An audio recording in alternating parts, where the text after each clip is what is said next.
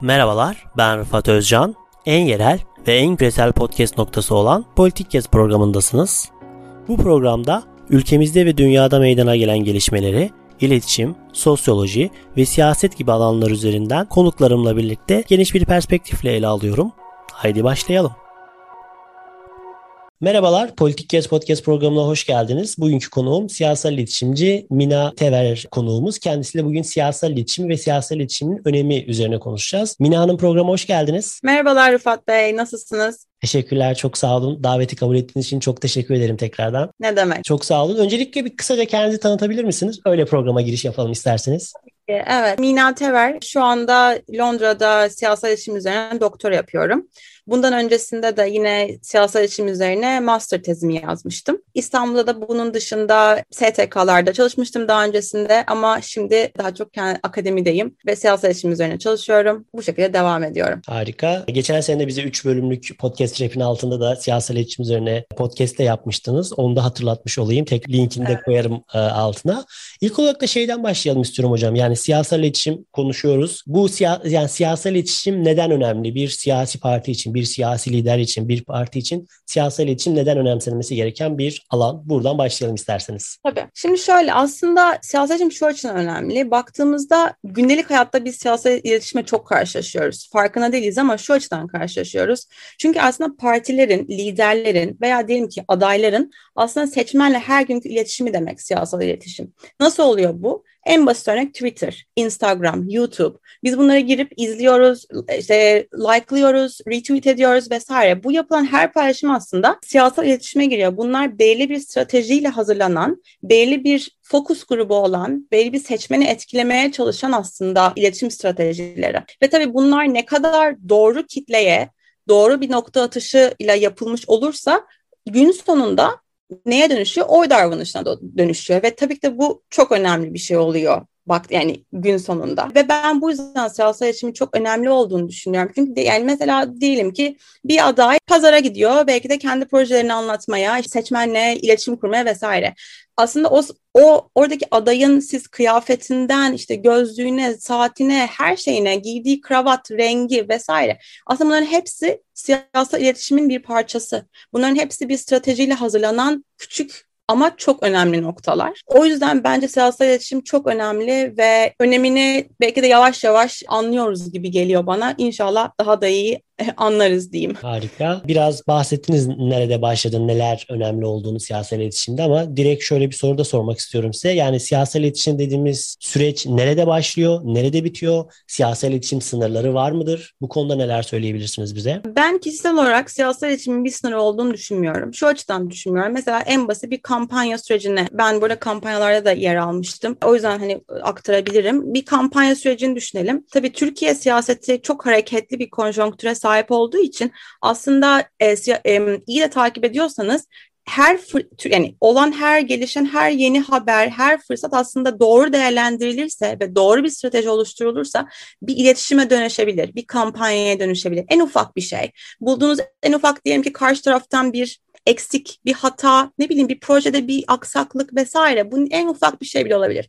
Yeter ki siz onu doğru değerlendirin, doğru kitleyi hedef alın ve doğru bir stratejiyle bunu sunun. O zaman zaten bu çok muhteşem bir kampanya bir anda dönebilir. İşte hashtagler çıkar ne bileyim bir hareket yaratmış bile olabilirsiniz yani. Ben bu açıdan bakıldığında ve kendime bunu deneyimlediğim için siyasal iletişimin Türkiye'de özellikle bir sınırı olduğunu düşünmüyorum ve bir yerde bir bitişi olduğunu düşünmüyorum. Dediğim gibi önemli olan doğru strateji ve o fırsatı doğru değerlendirmek. Anladım. Ya peki etik konusunda mesela sınırlarda bir şey söyleyebilir misiniz? Yani etik ya da etik değil. Mesela işte 2016'da Cambridge Analytica skandalı gibi bu şeylerden neler söyleyebilirsiniz acaba? Sınırlar kapsam yani şey olarak mı? Yani siyaset, mesela evet. siyaset iletişim yani böyle etik kodlar var mıdır siyaset iletişimde? Öyle evet. sormuş olayım mesela. Tabii ki de etik şeyleri, etik sınırları olan bir alan bu arada. Şimdi tabii ki de ben her fırsat her şey diyorum ama hani bu da doğru değerlendirmeli. Yani karşına çıkan her fırsata tabii ki daha bir kampanyaya dönüştüreyim vesaire yapamaz. Çünkü tabii ki orada bir etik kurallar da var. Yani karşındaki adayın çok da fazla nasıl diyeyim özeline girmeden ama üst yani nasıl anlatabilirim? Çok da fazla özeline girmeden ama güzel de bir şekilde aslında onu çevirerek güzel bir hani iletişim kampanyasına dönüşebiliyor. Ama tabii ki de siyasal iletişim etik sınırları var. Bir de şimdi siyasal iletişimde tabii yani bu süreçler yönetiliyor dediğiniz gibi doğru bir süreç yönetilirse bu bir kampanyaya bir harekete dönüşebiliyor. Ama bazen de çok büyük hatalar da yapılıyor siyasal iletişim konularında. Ben de hem Türkiye'den hem dünyadan belki bize çeşitli örnekler verebilirsiniz diye şöyle bir soru yöneltmek istiyorum. Yani siyasal iletişimde sizin bildiğiniz ya da literatürde okutulan ölümcül hatalar var mıdır? Ve bunların örnekleri nelerdir acaba? Ya ben ilk başta ölümcül hataları şeyden başlatıyorum bu arada yani benim için öyle. Mesela en basit örnek yanlış strateji. Seçmenle duygusal bağ ve güven ilişkisinin kullanmaması, seçmenin temel ihtiyaç ve beklentilerinin anlaşılamaması. Bence bunlar büyük aslında hatalar. Hatalara yol açan noktalar. Şimdi seçmen duygusal olarak oy veriyor aslında gün sonunda baktığınızda ve aslında subjektif olarak düşünüyor kriterleri, subjektif kriterleri göz önünde bulunduruyor. Şimdi siz seçmene gidiyorsunuz, o sizi dinliyor, evet diyor, haklısınız diyor ama seçim günü gel- geldiğinde önemli olan şey sizin seçmen ne hissettirdiğiniz. Bu çok bence enteresan bir denklem bu arada. O yüzden dediğim gibi hatalar daha çok bu seçmenle duygusal bağ kurulamaması ve güven ilişkisinin kurulamamasına da dayanan bir şey. Ben bu soruya ilk benim aklıma gelen yani Türkiye'den de vereceğim ama Amerika'dan bir örnek vermek istiyorum. Hani Hillary Clinton. Şimdi baktığımızda Trump gibi sistem dışından gelen bir adaya karşı kendisi vardı. Ama oldukça geleneksel ve renksizdi ve bir momentum katamadı. Yani bunu başaramadı. Ve bu ne demek? Bir duygusal bağ kuramadı seçmenle. Aslında Amerika'nın mesela ilk kadın başkan adayıydı ama biz bunu tam olarak gördük mü? Bence tam olarak gösteremedi. İşte bunun da tamam temel nedeni net bir odak noktası yoktu mesajlarının ve stratejisi karışıktı. Dili çok entelektüel kaldı. Öte yandan Donald Trump tek bir sloganla gitti. Stratejide tek bir stratejide e, ilerledi. Seçmenle duygusal bir bağ kurdu ve çok basit cümlelerle bunları yaptığını hatırlarsanız. Mesela işte Türkiye örnek verelim. Cumhuriyet Halk Partisi. Bence Cumhuriyet Halk Partisi'nin hala seçmeni anlamakta güçlük çektiğini ben düşünüyorum. Hala bizlerin temel, seçmenin temel ihtiyaç ve beklentilerinin bence anlaşılmadığını ve buna göre bir, bir strateji oluşturulmadığını düşünüyorum. Ben yani bu da tabii ki de çok büyük hata ve kayıplara gün sonunda yani oy kaybına neden oluyor. O yüzden ölümcül hatanın en başı yanlış strateji ve seçmenle aslında bu güven ilişkisinin kurulaması. Çünkü de seçmende şu da var yani sizin başarı hikayenize de bakıyor. Çünkü yani diyor ki evet diyor bu aday bunu yapmıştı ben ona oy verebilirim. Bunu daha çok Türkiye bazında da konuşuyorum şu anda. Mesela Ekrem İmamoğlu'na örnek verebiliriz. İşte Beylikdüzü'ndeki yaptığı projeler bence şu an Ekrem İmamoğlu'nun ne diyeyim seçimi kazanmasındaki bir yoldu. Çünkü seçmenlere o güven duygusunu verdi. Evet bunları bunları yapmıştı bunları bunları da yapabilir. O yüzden siz ne kadar fazla dediğim gibi bir güven duygusu kurarsanız ve doğru sonunda başarılı olur. Doğru strateji seçmenle doğru seçmen duygusal bağ ve güven ilişkisinin kurulması doğru bir iletişim stratejisi, doğru bir siyasal kampanya oluşturabilir. Bir de buradan yani bir sonraki soru olarak da şunu sormak istiyorum. Yani peki bir doğru siyasal iletişim stratejisi nasıl kurulur? Siz bir önce stratejinin öneminden bahsettiniz. Yani iletişim stratejisi başta yanlış ise yapılan hiçbir şeyin aslında öneminin olmadığını e, söylüyorsunuz. Yani siyasal iletişim stratejisinin olmazsa olmazları nelerdir? Saç ayakları nelerdir hocam? Aslında şöyle siyasal iletişim alanında en önemli şey bu alanda çalışmış profesyonellerle çalışmak. Benim buradaki kastım bu arada reklamcı vesaire değil. Hakikaten bu alanda çalışmış işte bu bizim siyasal danışman dediğimiz, siyasi danışman dediğimiz spin doc olarak geçen bilir kişilerle çalışmak aslında çok önemli. Neden çok önemli? Çünkü bu kişiler zaten doğru anketlerle size o anket sonuçlarını doğru değerlendirip oradaki mesajları seçmenin oradaki ihtiyaçlarını doğru algılayıp bunu başarılı bir stratejiye dönüştürebiliyorlar. Baş, başarılı bir mesaja dönüştürebiliyorlar. Buradaki en önemli şey bizim bunu siyasal seçmemizde profesyonelleşme diyoruz. Profesyonelleşme siz ne kadar fazla bu alanda çalışan dediğim gibi profesyonelleri katarsanız doğru anketler, bu anketlerin doğru değerlendirilmesi, ihtiyaçların doğru adlandırılması ve bunun bir kampanyaya dönüşmesi olmazsa olmazlar arasında. Tabii ki de bunları yaparken yine de ondan bahsetmiştim. Siz evet mesajı kurarsınız, doğru algılarsanız her şeyi ama gün sonunda seçmenle o bağı kuramazsınız veya bu güven duygusunu yaratamazsınız. İşte bu da aslında biraz adaya bağlı bir şey. Buradaki adayın seçmenle kurabileceği duygusal bağısını işte o noktada siz çok fazla bir şey aslında el atamıyorsunuz. Çünkü dediğim gibi bazı adaylar işte Hillary Clinton'ı verdi mesela hani renksizdi, gelenekseldi. Bu daha çok oradaki adayla alakalı bir şey oluyor ama işte adayın geçmişinde arkasını yaslayabileceği bir başarı hikayesi varsa Türkiye'de bu mesela çok bence tutan bir şey oldu, yürüyen bir şey oldu parti nezdinde. O yüzden temel ihtiyaçlar, yani olmazsa olmazlar doğru strateji, seçme ihtiyaçlarını doğru anlamak, profesyonellerle çalışmak, doğru mesajın oluşturulması ve seçmene güven duygusunun verilmesi diyorum ben. Ben burada aslında bir önce profesyonelleşmeden bahsettiniz. Burada daha önce podcast'te kendiniz de ele aldığınız için onu da sormak istiyorum. Onu da burada açarsak güzel olur. Yani siyasal iletişimde Amerikanlaşma. Yani hı hı. aslında profesyonelleşme dediğiniz şeyden kastınız o sanırım. Onu biraz evet. daha açabilir miyiz? Yani o Amerikanlaşma ne durumda? Türkiye'de bunun yansımalarını görüyor muyuz gibi? Aslında görüyoruz. En basit şu aklıma gelen örnek işte şu an İstanbul Belediye Başkanı Başkanımız Ekrem İmamoğlu'nun işte sahneye ailesiyle çıkması. Bu tamamen aslında Amerikan kampanyalarından gelen bir gelenek diyelim. Biz her zaman onları karısıyla görüyoruz çocuklar mesela Obama'yı düşünelim sahnede de karısı çocukları çocuklarıyla görürüz vesaire. İşte yine mesela Cumhurbaşkanımızın karısının sahneye çıkması. Ondan sonra yine eski İstanbul e, Belediye Başkanı adayı Binali Sayın Binali Yıldırım'ın karısıyla çıkması vesaire. Bunların hepsi Amerikanlaşmanın göstergeleri. Bunun dışında bizim mesela Twitter diyelim veya Instagram diyelim. Burada bu adayların evlerinden görüntüler paylaşması. Mesela görüyoruz Ekrem İmamoğlu'dan bayram tebriği yapıyor mesela. Bu tamamen yani onun evinden bir şey paylaşması, kendi özel alanından bir şey paylaşması yine Amerikanlaşmanın mesela bir örneği. Onun dışında web yani internetin tabii ki de başlı başına kullanılması ve bu kadar yaygınlaşması zaten bu Amerikanlaşmanın hani bir temeli ama hani ben şu an daha hani ilgi çekici örnekler olarak hani bunlar ikisi aklıma geldi. Bunları mesela Amerikanlaşma olarak değerlendirebiliriz. Onun dışında gençlerle olan iletişim. Mesela işte bu ekşi sözlükten yine Mansur Yavaş sanırım yanılmıyorsam katılmıştı, konuşmuştu vesaire filan ekşi sözlükteki arkadaşlarla.